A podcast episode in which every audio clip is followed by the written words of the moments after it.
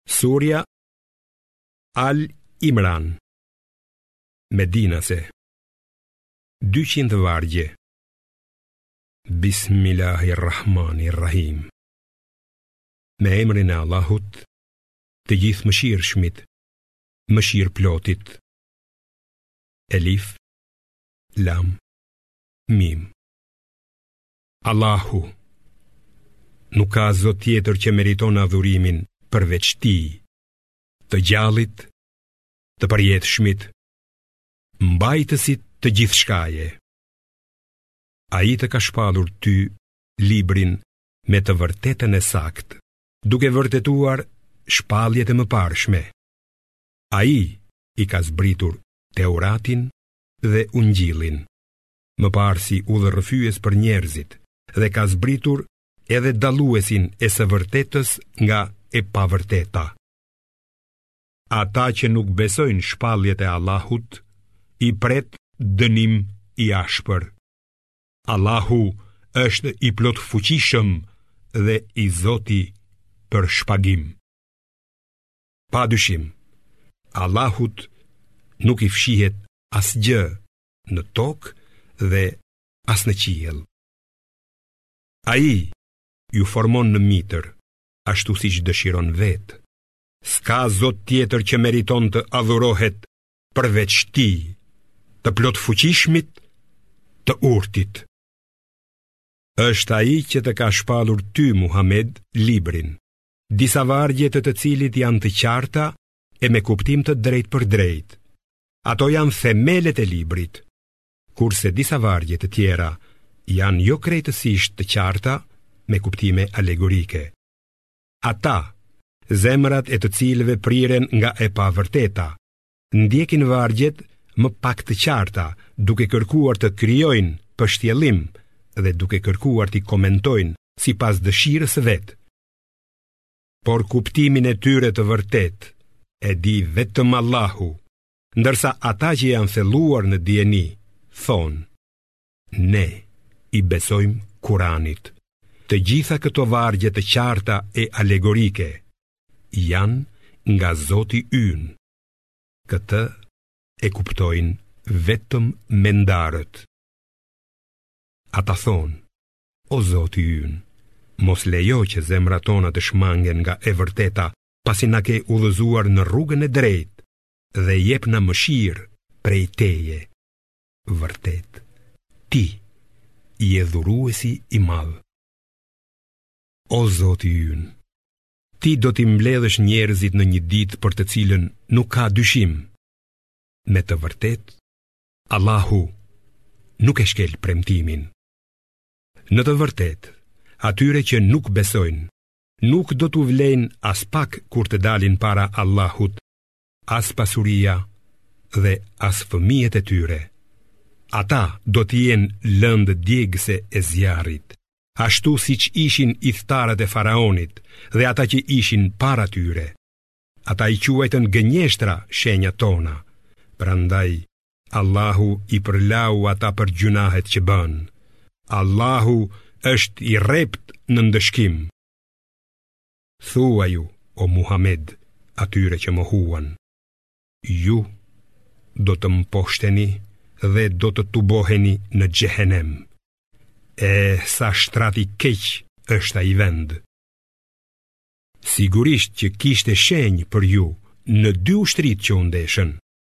njëra që luftonte në rrugën e Allahut dhe tjetra e mohuesve, së cilës i dukej se para vetes kishte dy herë më shumë kundërshtarë. Allahu me ndihmën e vet forcon kë të dëshirojë. Kjo me të vërtetë është mësim për largpamësit. Burrave u është hijeshuar dashuria për gjërat e dëshiruara, për gratë, fëmijët, arin dhe argjendin e grumbulluar, kuajt e bukur, bagëtitë dhe arat e lëruara. Këto janë kënaqësitë e kësaj jete, por shumë më i mirë është kthimi tek Allahu. Thuaj, o Muhammed, A doni t'ju tregoj për gjëra më të mira se ato? Për ata që janë të devotshëm, te Zoti i tyre do të ketë kopshte, nëpër të cilat rrjedhin lumenj dhe ku do të banojnë përgjithmonë. Aty do të kenë bashkëshorte të pastra dhe kënaqësi nga Allahu. Allahu i vrojton robërit e vet, që thonë, Zoti ynë, Me të vërtetë kemi besuar, andaj, na i fal gjynahet tona dhe na ruaj nga dënimi i zjarrit, që janë të durueshëm, të sinqertë, të devotshëm në adhurimin e Allahut, që japin lëmoshë dhe që kërkojnë faljen e gjynaheve para agimit. Allahu dëshmon E po ashtu edhe engjëjt, edhe njerëzit e dijes, se nuk ka zot tjetër që meriton të adhurohet përveç tij, duke mbajtur drejtësinë. S'ka zot tjetër përveç atij, të plotfuqishmit, të urtit. Feja e vërtetë tek Allahu është vetëm islami. Ata që u është dhënë libri patën mospajtime nga zilia që kishin midis tyre, vetëm pasi u erdhi dituria. Por kushdo që i mohon udhëzimet e Allahut, ta dijë se Allahu është i shpejt në llogari. Nëse ata të kundërshtojnë ty, o Muhammed, thuaju, unë i përulem vetëm Allahut. e po ashtu edhe ata që më pasojnë mua. Dhe thuaju atyre që u është dhënë libri, si dhe analfabetëve. A i përuleni Allahut. Nëse e pranojnë islamin, atëherë kanë gjetur udhën e drejtë.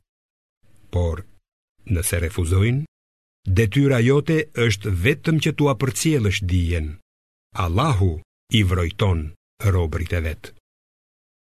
Lajmëroji ata që mohojnë shpalljet e Allahut, vrasin profetët padrejtësisht dhe vrasin edhe ata që urdhërojnë të veprohet me drejtësi për dënimin e dhembshëm që i pret.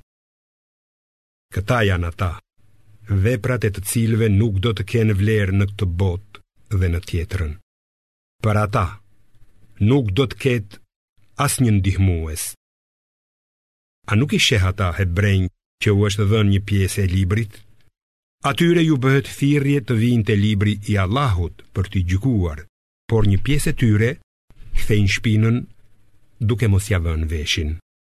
Kjo sepse ata thonë, neve nuk do të na prekë zjarri i xhehenemit, përveçse disa ditë. Shpifjet që bënin i kanë mashtruar ata në besimin e vet.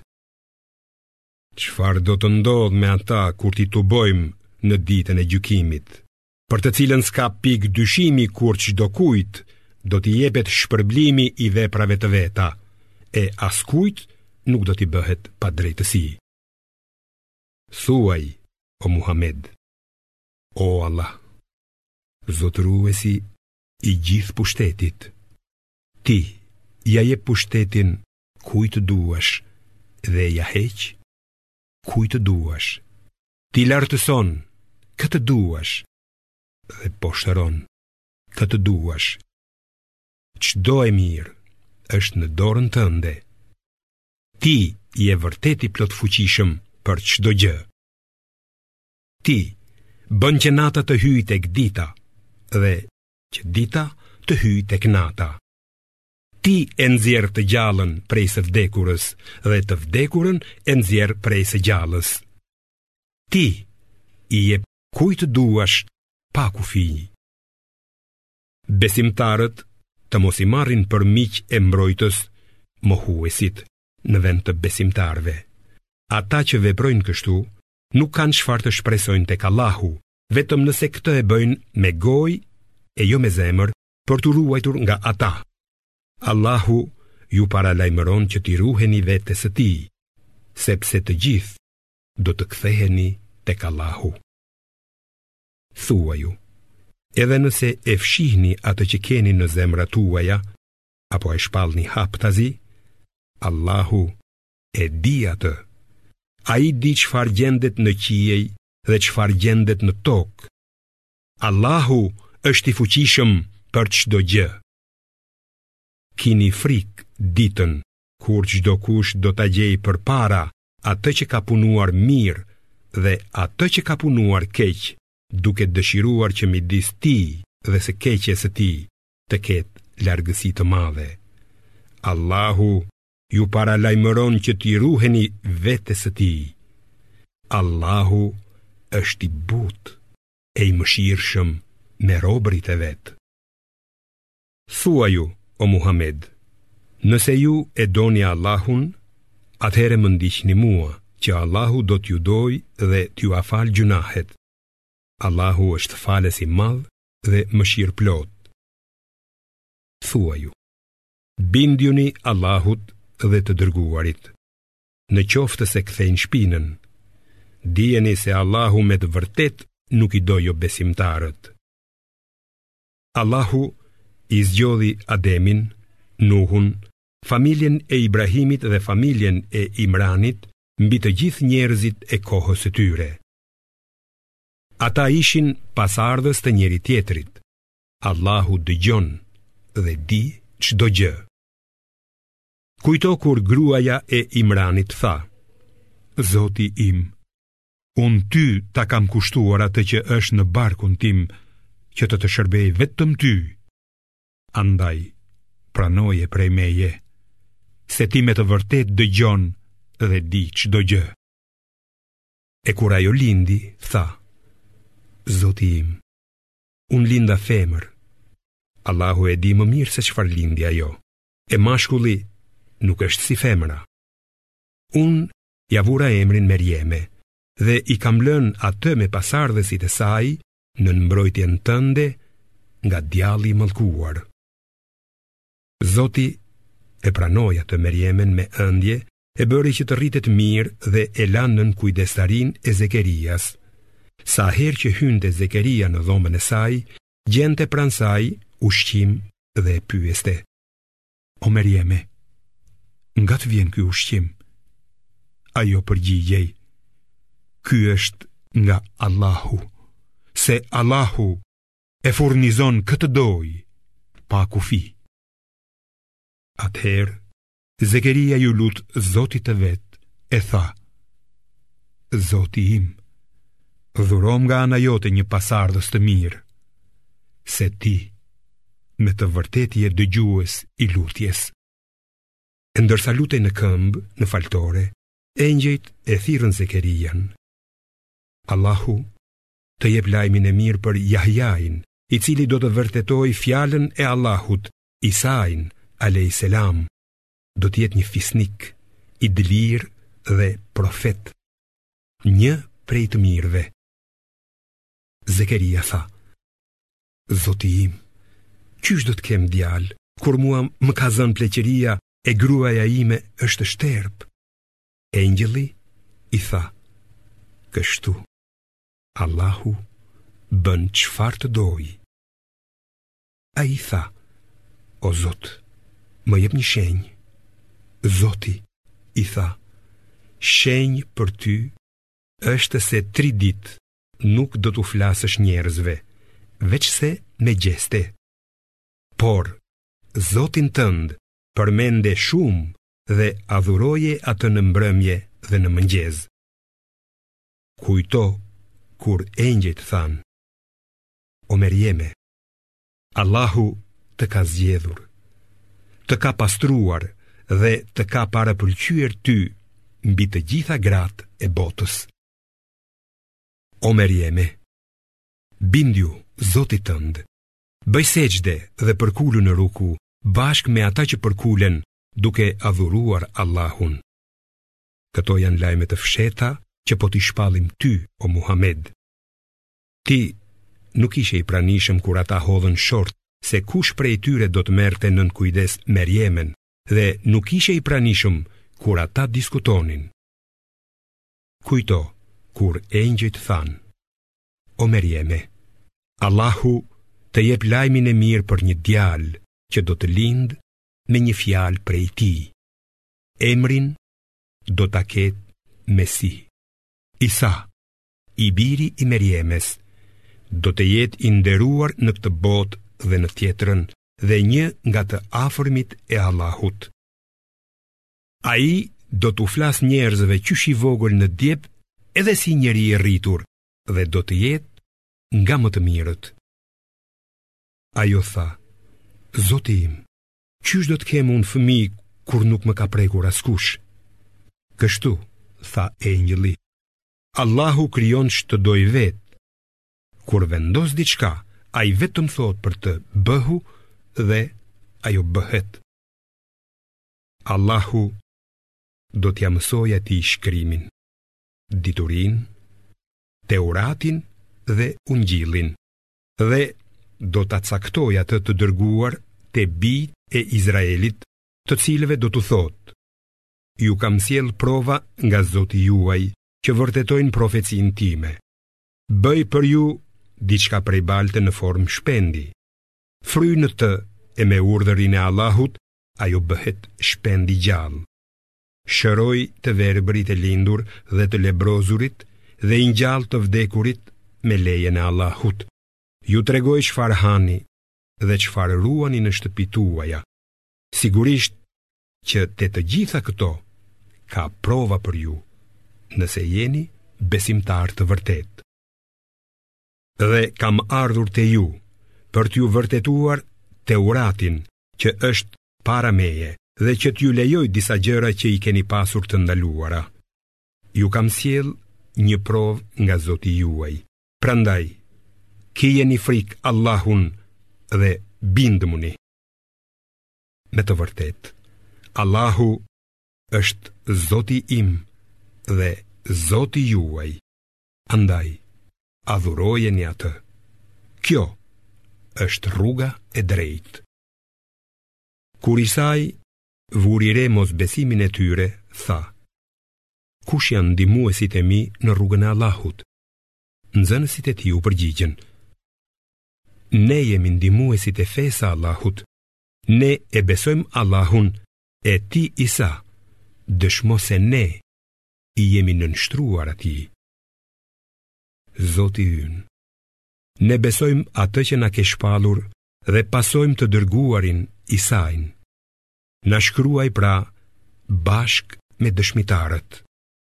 Dhe ata i përgatitën një kurth, por edhe Allahu u përgatiti kurth dënim, se Allahu është strategu më i mirë.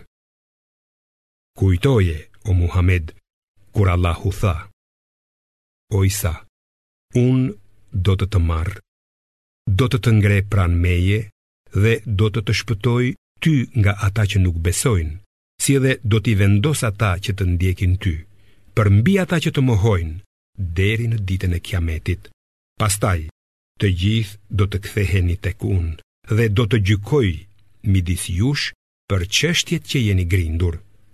Sa për ata që nuk besojnë, do t'i dënoj me dënim të ashpër në këtë botë dhe në tjetrën, dhe nuk do të kenë askënd që t'u vijë në ndihmë. Ndërsa atyre që besojnë dhe punojnë vepra të mira, Zoti do t'u japë shpërblimin e merituar. Allahu nuk i do punëmbrapshtët. Këto që po t'i tregojmë ty, o Muhammed, janë vargje dhe këshilla të larta nga Kurani. Rasti i Isait për Allahun është si rasti i Ademit që e krijoi prej baltës e pastaj i tha: Bëhu. Dhe ai u bë. E vërteta është nga Zoti yt. Andaj, mos u bëj nga ata që dyshojnë. Atyre që të kundërshtojnë ty për çështjen e Isait, pasi të ka ardhur njohuria, thuaju. Ejani t'i thërrasim bijtë tanë dhe bijtë tuaj, gratë tona dhe gratë tuaja, veten tonë dhe ju vetë. Pastaj të lutemi që mallkimi i Allahut t'i godas gënjeshtarët. Pa dyshim, të gjitha këto janë rrëfime të vërteta.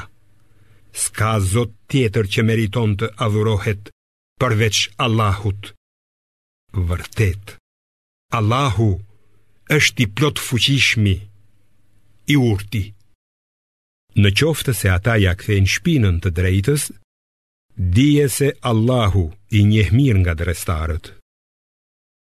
Thuaj, o ithtarët e librit, ejani të biem në një fjalë të përbashkët mes nesh dhe jush, se do të adhurojmë vetëm Allahun, se nuk do t'i shoqërojmë atij asgjë në adhurim, dhe se nuk do ta mbajmë për Zot njëri-tjetrin në vend të Allahut. Nëse ata nuk pranojnë, atëherë thuaju. Dëshmoni se ne i jemi nënshtruar Allahut. O ithtarët e librit, pse polemizoni për Ibrahimin kur Teurati dhe Ungjilli janë zbritur vetëm pas tij? A nuk kuptoni? Mirë ju polemizoni për gjëra që keni njëfarë dijenie, për çështje që lidhen me Musain alejhi selam dhe Isain alejhi selam. Por pse polemizoni për atë për të cilën s'dini asgjë? Për Ibrahimin alejhi selam. Allahu e di hollësisht, ndërsa ju nuk dini asgjë për këtë. Ibrahimi nuk ka qenë as hebre, as i krishterë, por ka qenë besimtar i vërtetë, monoteist, i përulur ndaj Allahut dhe nuk ka qenë nga politeistët. Pa dyshim, njerëzit më të afërt me Ibrahimin janë ata që e pasuan atë dhe ky profet me besimtarët e tij. Allahu është mbrojtës i besimtarëve. Një grup ithtarësh të librit dëshirojnë që t'ju shpien në rrugë të gabuar. Në të vërtetë, ata çojnë në humbje vetëm vetveten, por këtë nuk e ndjejnë. O ithtarë të librit, përse i mohoni shpalljet e Allahut, Kur'anin, edhe pse jeni dëshmitarë se ato janë të vërteta? O ithtarët e librit, Përse e pështjelloni të vërtetën me të pavërtetën dhe përse e fshihni të vërtetën me qëllim? Një grup ithtarësh të librit thanë: Besojeni në mëngjes atë që u është zbritur besimtarëve, por në mbrëmje mohojeni atë se ndoshta edhe ata do ta braktisin dhe besojuni vetëm atyre që ndjekin fenë tuaj. Thuaj, o Muhammed, udhëzimi i Allahut është udhëzimi i vërtetë. Hebrejt i thanë njëri-tjetrit, mos besoni se mund t'i jepet ndokujt ajo që ju është dhënë juve, vetëm nëse ndjekin fenë tuaj, përndryshe ata do të polemizojnë kundër jush te Zoti juaj. Thuaj, o Muhammed, hiri është në dorë të Allahut, ai ia jep atë kujt të dojë, Allahu është mirëbërës i madh dhe i gjithëdijshëm. Mëshirën e vet, ai ia dhuron kujt të dojë. Allahu është zotërues i mirësis së pa kufishme. Ka nga ata i thtarë të librit që si kur të besosh një barë të tërë ari, do t'ju akthejnë. Por ka edhe të atil që nëse u jep në besim, qoftë edhe një dinarë, nuk ta kthejnë, veçse nëse nuk u ndahesh. Kjo është kështu ngase ata thonë, ne nuk kemi ndonjë detyrim ndaj analfabetëve arabë. Ata flasin gënjeshtra për Allahun me vetëdije. Jo, por kushdo që plotëson premtimin e tij dhe ruhet nga të këqijat, ta dijë se Allahu me të vërtetë i do ata që janë të devotshëm. vërtet. Ata që e shkëmbejnë premtimin dhe betimin e tyre ndaj Allahut me një vlerë të vogël, nuk do të kenë asnjë të mirë në jetën e ardhshme. Allahu nuk do t'u flasë atyre, as nuk do t'i shikojë në ditën e kiametit dhe as nuk do t'i pastrojë prej gjynaheve e për ta do të ketë dënim të dhembshëm. Me të vërtetë, një grup ithtarësh të librit e shtrembërojnë librin me gjuhët e tyre, ndërsa e lexojnë atë, që ju të mendoni se ai farë leximi është prej librit që ka zbritur Allahu, kurse në të vërtetë nuk është prej librit. Ata thonë, kjo që lexojmë është nga Allahu, por ajo nuk është nga Allahu. Ata flasin gënjeshtra për Allahun duke qenë të vetëdijshëm për këtë. Nuk është e mundur për një njeri, të cilit Allahu i ka dhënë librin, dijenin e gjerë dhe profecinë që t'u thotë njerëzve: Bëhuni robërit e mi dhe jo të Allahut. Përkundrazi, ai thotë: Bëhuni robër të ditur të Zotit, që i zbatojnë porositë e tij, sepse ua keni mësuar librin të tjerëve dhe e mësoni edhe vetë.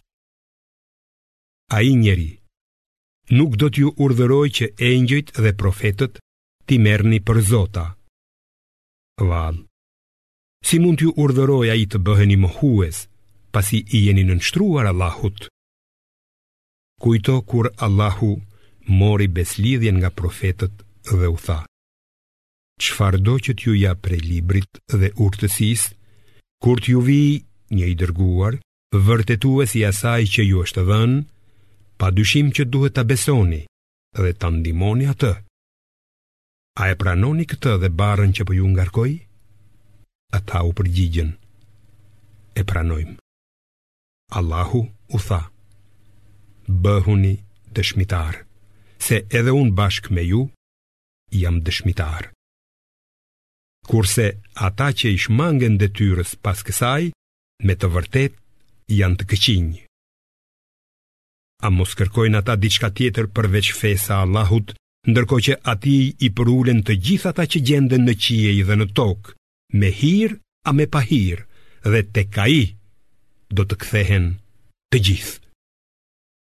Thuaj o Muhamed, ne besojmë Allahun, atë që na është shpallur neve, atë që i është shpallur Ibrahimit, Ismailit, Ishakut, Jakubit, Esbatëve, 12 bijve të tij, dhe në atë që i është dhënë Musait, Isait dhe profetëve nga Zoti i tyre. Ne nuk bëjmë asnjë dallim midis tyre dhe ne vetëm atij Allahut i përulemi. Kush kërkon tjetër fe përveç Islamit, nuk do t'i pranohet dhe ai në botën tjetër do të jetë i humbur. E si t'i udhëzojë Allahu në rrugë të drejtë njerëzit që u bënë mohues, pasi më parë patën besuar e dëshmuar se i dërguari është i vërtetë dhe u kishin ardhur provat e qarta. Allahu nuk i udhëzon në rrugë të drejtë ata që janë keqbërës. Mallkimi i Allahut, i engjëjve dhe i mbarë njerëzve është shpërblimi i tyre. ata do të jenë përherë nën peshën e dënimit të mallkimit. Vuajtjet nuk do t'u lehtësohen dhe nuk do t'u jepet afat pushim.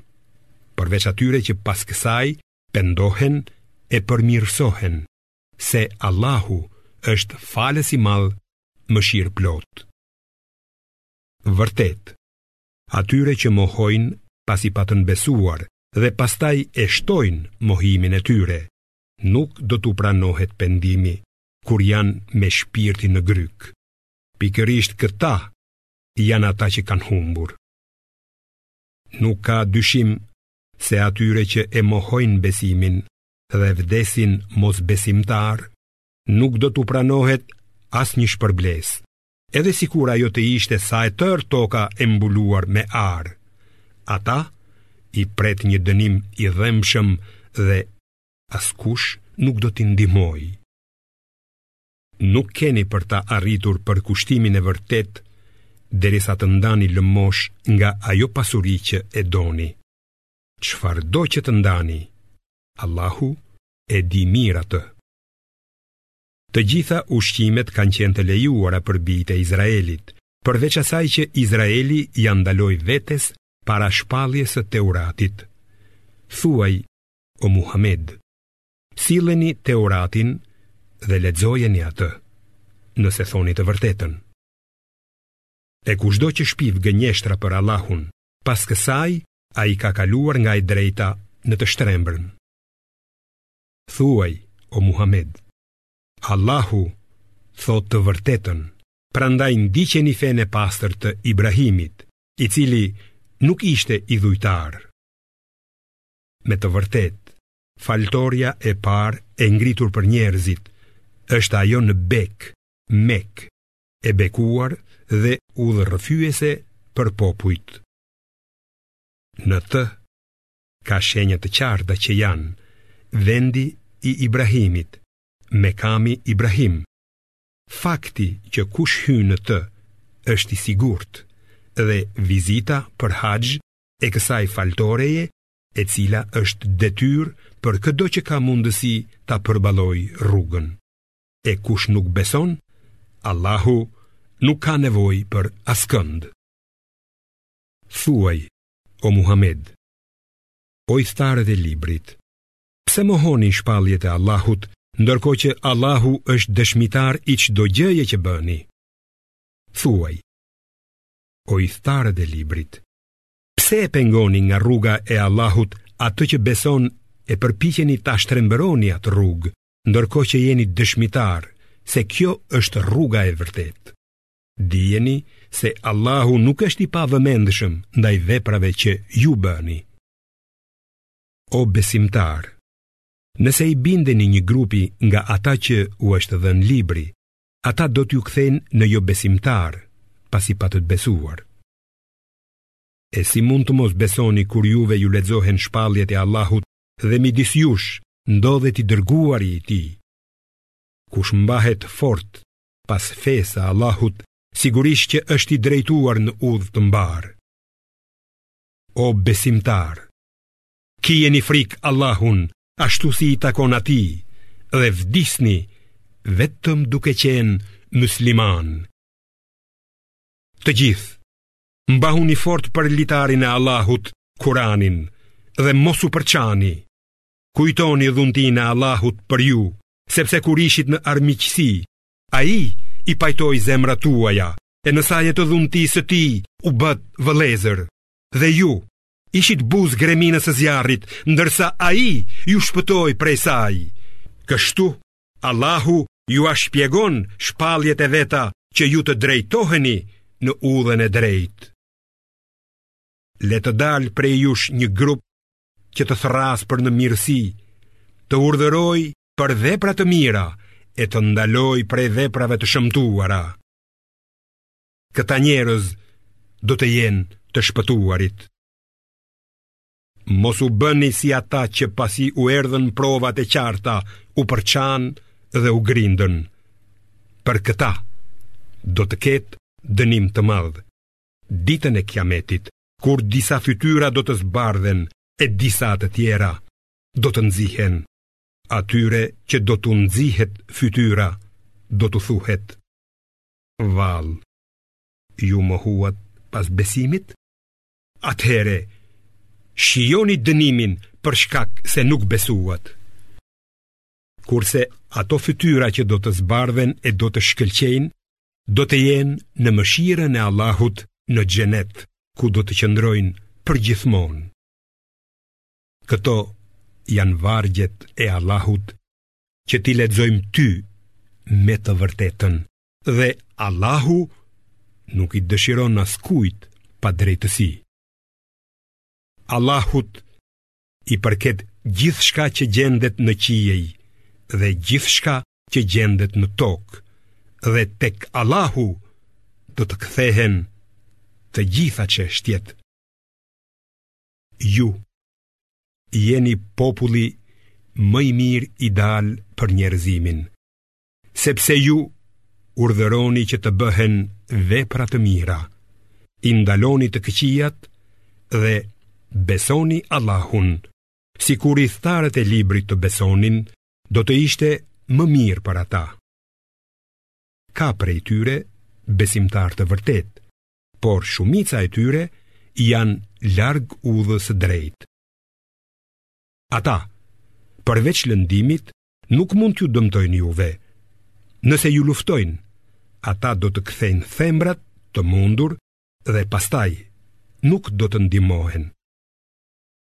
kudo që gjenden, ata janë të kapluar nga poshtërimi, vetëm nëse kanë ndonjë mbrojtje prej Allahut apo prej njerëzve. Ata merituan zemërimin e Allahut dhe do t'i kaplojë mjerimi. Kjo ishte për shkak se mohuan shpalljet e tij dhe pa kurrfarë të drejte i vrisnin profetët. Kjo ishte për shkak se ata nuk u bindën dhe i kaluan kufijtë në të këqija.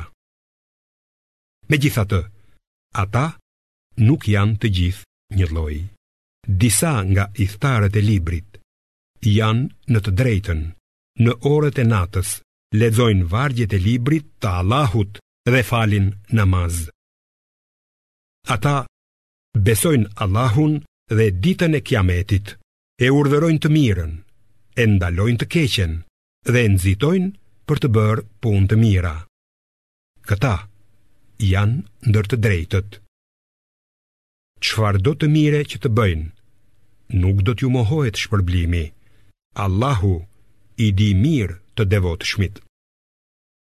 Ata që nuk besojnë nuk do t'i mbrojë asgjë nga dënimi i Allahut, as pasuria e tyre e as fëmijët e tyre. Ata do të jenë banorët e zjarrit të xhehenemit, ku do të qëndrojnë përgjithmonë. Gjithçka që jobesimtarët shpenzojnë në jetën e kësaj bote, i përngjan erës së akullt, e cila godet të lashtat e ndonjë populli që i ka bërë dëm vetes dhe ua zhduk të lashtat. Allahu nuk u ka bërë padrejtësi atyre, por ata i kanë bërë padrejtësi vetvetes. O besimtarë, mos zgjidhni për miq dhe këshilltarë të afërt, njerëz të tjerë jashtë gjirit tuaj. Ata nuk ngurrojnë që t'ju bëjnë dëm. Ata dëshirojnë që të vuani. Urrejtja shfaqet në gjithçka që del prej gojës të tyre. kurse ajo që fshehin në zemrën e tyre është edhe më e madhe. Ne jua kemi shpjeguar vargjet e Kuranit nëse jeni njerëz që kuptoni. Ja, ju i doni ata, por ata nuk ju duan juve dhe ju i besoni të gjitha librave, ndërsa ata jo. Kur ata ju takojnë, thonë, edhe ne besojmë, e kur mbeten vetëm nga mllefi ndaj jush, ata i kafshojnë majat e gishtave me dhëmbë, thuaju, plasni me mllefin tuaj, vërtet Allahu e di mirë ç'kanë në gjokset e tyre. Nëse ju vjen ndonjë e mirë, ata i brengos, e nëse ju gjen ndonjë e keqe, ata gëzohen, por nëse ju duroni dhe ruheni nga gjynahet, dinakëritë e tyre nuk mund t'ju dëmtojnë, aspak. Vërtet, Allahu ka dijeni për çdo gjë që punojnë ata. Atë mëngjes kur ti o Muhamed dole nga shtëpia jote për t'u caktuar besimtarëve vendet e luftës, E Allahu dëgjon dhe di çdo gjë. Dy grupe nga ju menduan të ktheheshin prej frikës, ndonëse Allahu ishte ndihmues i tyre. Andaj, besimtarët le të mbështeten vetëm te Allahu. Allahu ju ndihmoi në Bedër, kur qetë të pafuqishëm, andaj Frikësojuni Allahut për të qenë falënderues. Atëherë ti Muhammed u thoshe besimtarëve, a nuk ju mjafton ndihma e Zotit tuaj me 3.000 engjëj të dërguar? Po, por nëse ata ju sulmojnë, bëhuni të durueshëm dhe të dëgjueshëm, dhe Zoti juaj menjëherë do t'ju dërgojë në ndihmë 5000 engjëj me shenja të dalluara. Allahu e bëri këtë që t'ju sjellë lajmin e gëzuar dhe që t'jua qetësojë zemrat. Vërtet, fitorja është vetëm nga Allahu i plotfuqishmi dhe i urti. Gjithashtu, Allahu e bëri këtë edhe që të shkatërrojë një pjesë prej atyre që nuk besuan apo t'i turpërojë, e kështu të kthehen të humbur. Ti nuk ke asgjë në dorë, nëse do t'ua pranojë ai pendimin, apo do t'i dënojë, se ata janë vërtet keqbërës. Allahut i përket gjithçka që gjendet në qiej dhe gjithçka që gjendet në tokë. Ai fal kë të dojë, dhe dënon kë të dojë. Allahu është falës i madh e mëshirëplotë. O besimtarë, mos pranoni kamatë të shumëfishtë mbi kamatë. Kijeni frikë Allahun që të shpëtoni dhe ruajuni zjarrit i cili është përgatitur për jobesimtarët. Bindjuni Allahut dhe të dërguarit për të shpresuar mëshirën e Allahut. Nxitoni drejt faljes së gjynaheve nga Zoti juaj dhe xhenetit, hapësira e të cilit është sa qiejt e toka dhe që është përgatitur për të devotshmit, të cilët japin lëmoshë edhe kur janë në mirëqenie, edhe kur janë në vështirësi. e mposhtin zemërimin dhe ua falin fajet njerëzve. Allahu i do bamirësit. Për ata që kur bëjnë vepra të turpshme ose i bëjnë dëm vetes, e kujtojnë Allahun, i kërkojnë falje për gjynahet e tyre. E kush i fal gjynahet përveç Allahut dhe nuk ngulmojnë me vetëdije në gabimet që kanë bërë, Pra, për këta do të ketë si shpërblim falje madhështore të gjynaheve nga ana e Zotit të tyre dhe kopshte nëpër të cilët rrjedhin lumenj dhe ku do të qëndrojnë përherë. Sa shpërblim i bukur është ky për ata që punojnë vepra të bukura. Para jush kanë kaluar shumë shembuj popujsh nga ndjekësit e profetëve që u ndodhi ajo që po ju ndodh edhe ju. Prandaj, udhëtoni nëpër botë dhe shihni si ishte fundi i atyre që i përgënjeshtruan profetët. Këto janë lajme të qarta dhe udhërrëfyese për të devotshmit. Mos u ligështoni Dhe mos u pikëlloni, sepse ju, gjithsesi, jeni më të lartët, nëse jeni besimtarë të vërtetë. Nëse ju ka goditur ndonjë plagë, edhe popullin armik e kanë goditur të tilla plagë. Ato ditë fitoreje dhe humbjeje, ne i ndërrojmë midis njerëzve që Allahu t'i dallojë besimtarët dhe për t'i bërë disa nga ju dëshmorë. Allahu nuk i do keqbërësit. E kështu, Allahu i dëlir besimtarët e i shuan jobesimtarët. A mendoni se do të hyni në xhenet pa i provuar Allahu ata që kanë luftuar prej jush dhe pa i provuar ata që kanë duruar? Ju e dëshironit vdekjen para se të ballafaqoheshit me të. Dhe ja pra, ju e patët me sytë tuaj. Muhamedi është vetëm i dërguar, para të cilit ka pasur edhe të dërguar të tjerë. Nëse ai vdes ose vritet, a mos do të ktheheni ju prapa? Kushdo që kthehet prapa, nuk i bën kurrfarë dëmi Allahut, dhe Allahu do t'i shpërblejë falënderuesit. Çdo shpirt vdes vetëm me vendimin e Allahut në kohë të caktuar.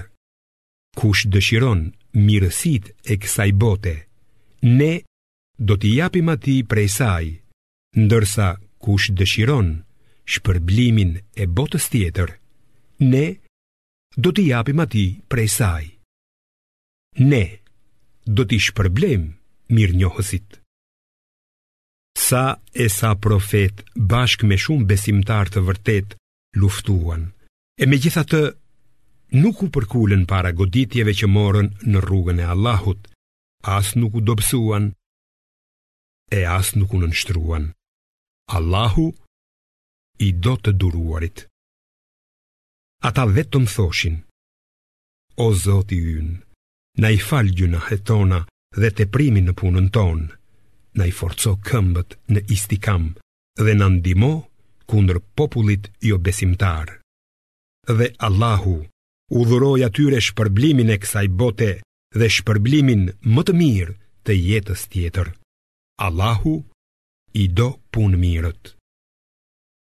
O besimtarë, nëse u bindeni jobesimtarëve, ata do t'ju kthejnë prapa në të pafe, e ju do të jeni të humbur.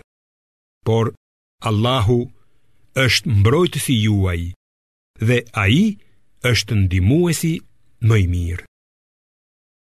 Ne do të mbjellim frikë në zemrat e jobesimtarëve, sepse ata adhurojnë veç Allahut gjëra për të cilat ai nuk ka sjellë kurrfarë prove. Vendbanimi i tyre është zjarri. E sa vendstrehim i shëmtuar është ky për keqbërësit. Vërtet, Allahu e plotësoi premtimin e vet kur ju me vullnetin e tij e thyet armikun. Por kur ju u frikësuat, u grindët midis jush dhe kundërshtuat profetin alejhi selam, pasi ai ju tregoi atë që pëlqenit, Allahu e tërhoqi ndihmën e vet. Disa nga ju dëshirojnë këtë botë, ndërsa të tjerë nga ju dëshirojnë botën tjetër. Pastaj, ai për t'ju provuar, bëri që të zmbrapseni para armikut dhe pastaj sigurisht që jua fali atë gabim. Allahu ka mirësi të madhe për besimtarët. Kur ju morët malin dhe nuk i vinit vesh askujt, të dërguarin e kishit prapa e ju thërriste. Allahu ju dënoi me dëshpërim pas dëshpërimit, që të mos pikëlloheni, as për atë që ju doli duarsh, as për atë që ju goditi. Allahu di gjithçka që punoni ju. Pastaj, pas dëshpërimit tuaj, Allahu ju dërgoi qetësinë, një gjumë që kaploi një grup prej jush, kurse grupi tjetër hipokritët kujdesej vetëm për veten duke menduar për Allahun të pavërtetën, ashtu si mendonin paganët. Ata thoshin: Ku është fitorja që na ishte premtuar? Thuaju, o Muhammed, të gjitha janë në dorë të Allahut. Ata fshehin në vete atë që nuk duan të ta shfaqin ty. Ata thoshin, sikur të pyeteshim ne për këtë gjë, nuk do të vriteshim këtu. Thuaju, edhe sikur të kishit qenë nëpër shtëpitë tuaja, prapëseprapë, atyre që u është shkruar të vriten, do të dilnin në vendin e vrasjes. Allahu e bëri këtë për të provuar atë që keni në kraharorët tuaj dhe për t'ju pastruar atë që keni në zemrat tuaja. Vërtet, Allahu e di mirë se ç'keni në zemër. Ata prej jush që kthyen shpinën ditën kur u ndeshën dy ushtritë, në të vërtetë, djalli i shtyu në gabim, për shkak të disa gjynaheve që kishin bërë. Por, në të vërtetë, Allahu ua fali gabimin, sepse Allahu është falës i madh dhe i butë. O besimtarë, mos bëni si ata jobesimtarë, hipokritët, që u thonin vëllezërve kur këta niseshin në udhëtim ose në luftim. Sikur të rrinit me ne, as nuk do të vdisnit, as nuk do të vriteshit. që këtë Allahu ta kthejë si pikëllim në zemrat e tyre. Allahu është ai që jep jetën dhe sjell vdekjen. Allahu i sheh të gjitha punët që bëni ju. Edhe nëse ju vriteni ose vdisni në udhë të Allahut, falja dhe mëshira e Allahut, me të vërtetë, janë më të mira nga ato që kanë grumbulluar ata. Edhe po vdiqët apo u vratë, me siguri do të tuboheni tek Allahu. Në sajë të mëshirës së Allahut, u solle butësish me ta, o Muhammed. Sikur të ishe i ashpër dhe i vrazhdë, ata do të largoheshin prej teje. Prandaj, falu atyre gabimin. Kërkoji falje Allahut për ata dhe këshillohu me ata për çështje të ndryshme. Kur të vendosësh për diçka, mbështetu tek Allahu. Vërtet, Allahu i do ata që mbështeten tek ai. Nëse ju ndihmon Allahu, s'ka kush t'ju mposhtë, e nëse ju lë pa ndihmën e tij, kush është ai që do t'ju ndihmojë përveç tij? Pra, Vetëm tek Allahu le të mbështeten besimtarët. Është e pamundur për ndonjë profet që të përvetësojë në mënyrë të pandershme prenë e luftës.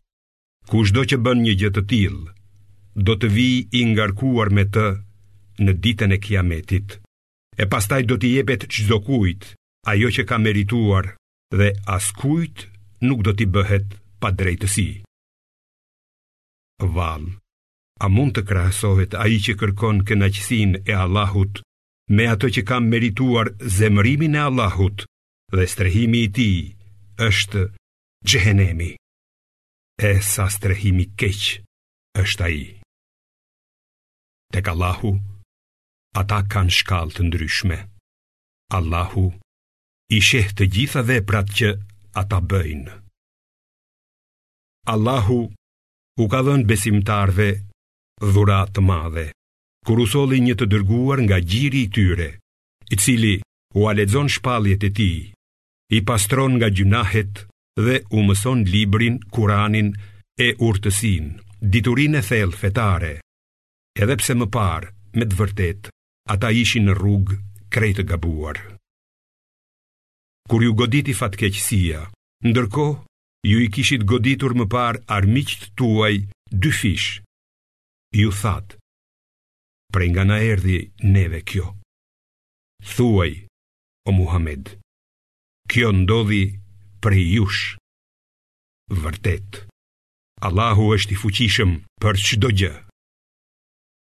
Ajo që ju gjeti atë ditë kur u ndeshën dy ushtritë, ishte me vullnetin e Allahut për të zbuluar se kush janë besimtarët e vërtetë dhe për të zbuluar se kush janë me dy faqe. Atyre iu tha, ejani të luftoni në rrugën e Allahut, ose të paktën mbrohuni. Ata u përgjigjën, sikur ta dinim që do të bëhej luftë e vërtetë, me siguri do t'ju pasonim. Atë ditë, Ata ishin më afër mohimit sesa besimit, sepse me gojën e tyre flisnin atë që nuk e kishin në zemrat e tyre. Allahu e di mirë çfarë fshehin ata. Atyre që nuk luftuan dhe thanë për vëllezërit e vet, sikur të na kishin dëgjuar ne, nuk do të ishin vrarë. Thuaju. Prapësojeni vdekjen nga vetja, nëse flisni të vërtetën. Kurrsesi, mos i quani të vdekur ata që janë vrarë në rrugën e Allahut. Jo, janë të gjallë duke u ushqyer te zoti i tyre.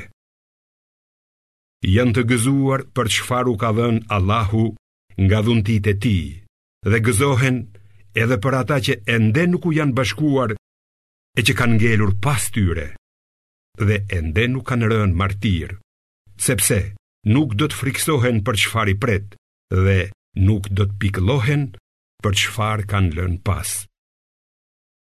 Ata gëzohen me dhuntitë dhe mirësinë e Allahut, sepse Allahu nuk ua humb shpërblimin besimtarëve. Për ata që morën plagë të rënda, pasi iu përgjigjën thirrjes së Allahut dhe të të dërguarit, dhe për ata që kanë bërë të mira e që i frikësohen Allahut, ka shpërblim të madh. Shpërblim kanë edhe ata të cilëve njerëzit hipokritë u thanë. Shumë njerëz po mblidhen kundër jush, prandaj frikësojuni. E kjo gjë ua shtoi atyre besimin dhe thanë: Neve na mjafton Allahu. Ai është mbrojtës i mrekullueshëm. Ata u kthyen me dhuntitë dhe mirësitë e Allahut, nuk i gjeti asgjë e keqe dhe fituan kënaqësinë e Allahut.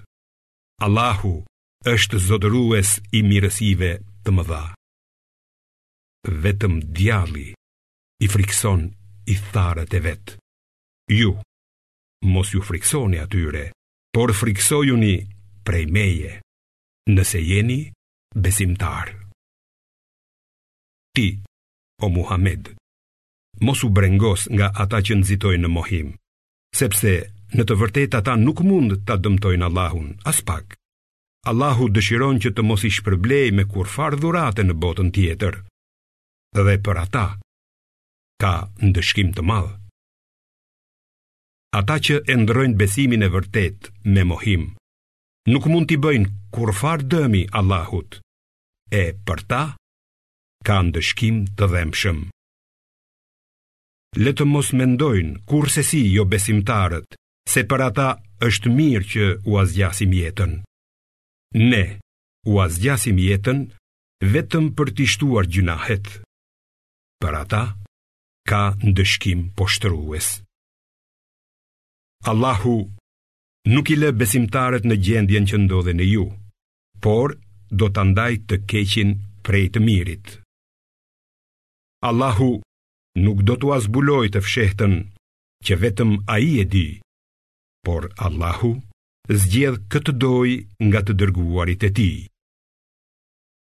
Besoni në Allahun dhe në të dërguarit e tij. Nëse besoni dhe i frikësoheni Allahut, ju do të keni shpërblim të madh. Ata që bëhen koprracë me të mirat që ua ka dhënë Allahu, kurrsesi të mos mendojnë se kështu është më mirë për ta. Jo, kjo është më keq për ata.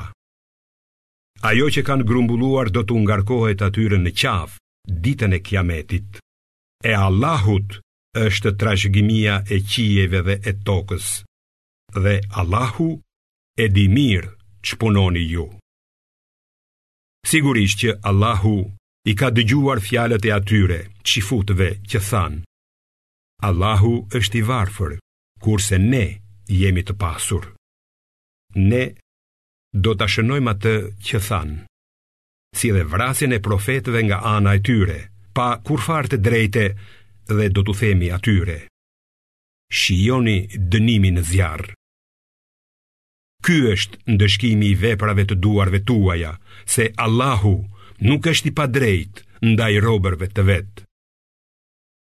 Atyre që thonë, Allahu na ka urdhëruar që të mos i besojmë asnjë të dërguari, derisa të na sjellë një kurban që ta përpijë zjarri, thuaju o Muhamed.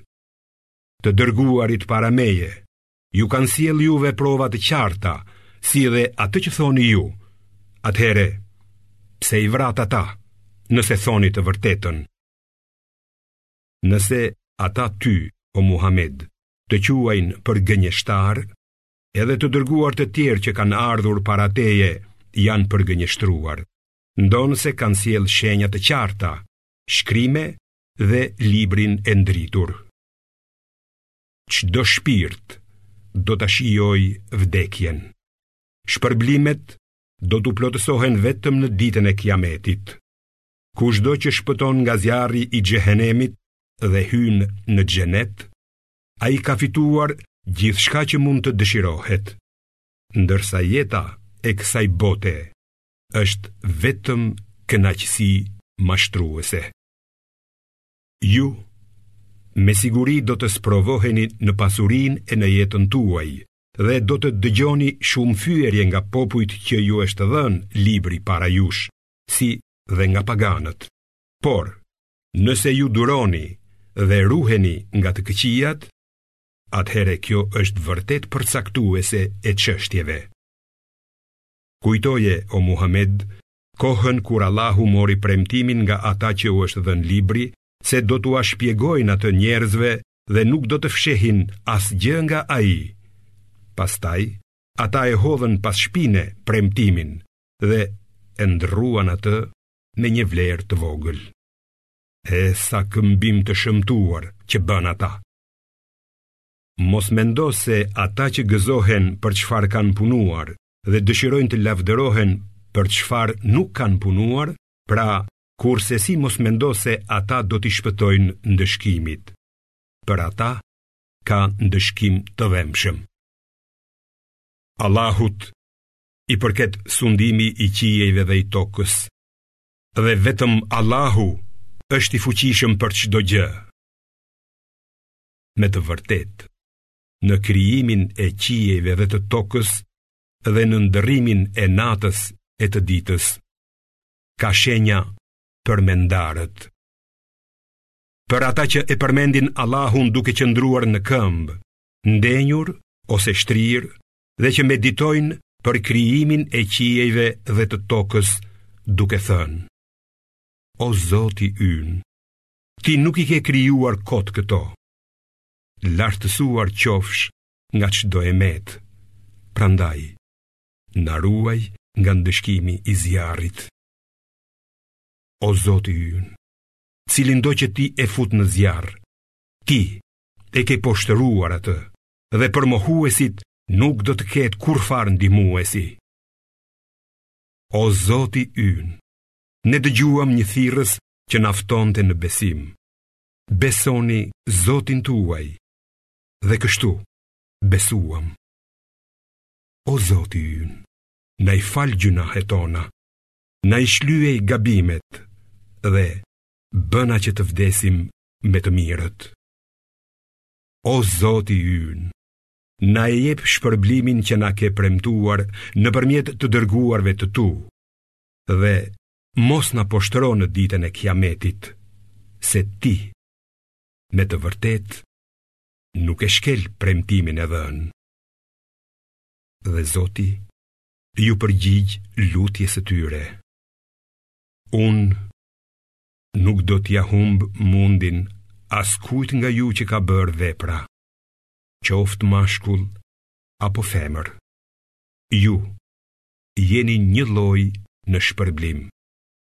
Atyre që u shpërngulën, u dëbuan nga vatrat e tyre, u munduan në rrugën time, luftuan dhe u vranë. Unë do t'ua mbuloj veprat e këqija dhe do t'i shpie në kopshte nëpër të cilat rrjedhin lumenj, si shpërblim nga Allahu. Shpërblimi më i mirë është tek Allahu. Ti, o Muhamed, mos u mashtro nga bredhja e jobesimtarëve nëpër botë. Kjo mirëqenie është e shkurtër, pastaj strehimi i tyre është Xhehenemi. Eh sa shtrat i keq është ai vend.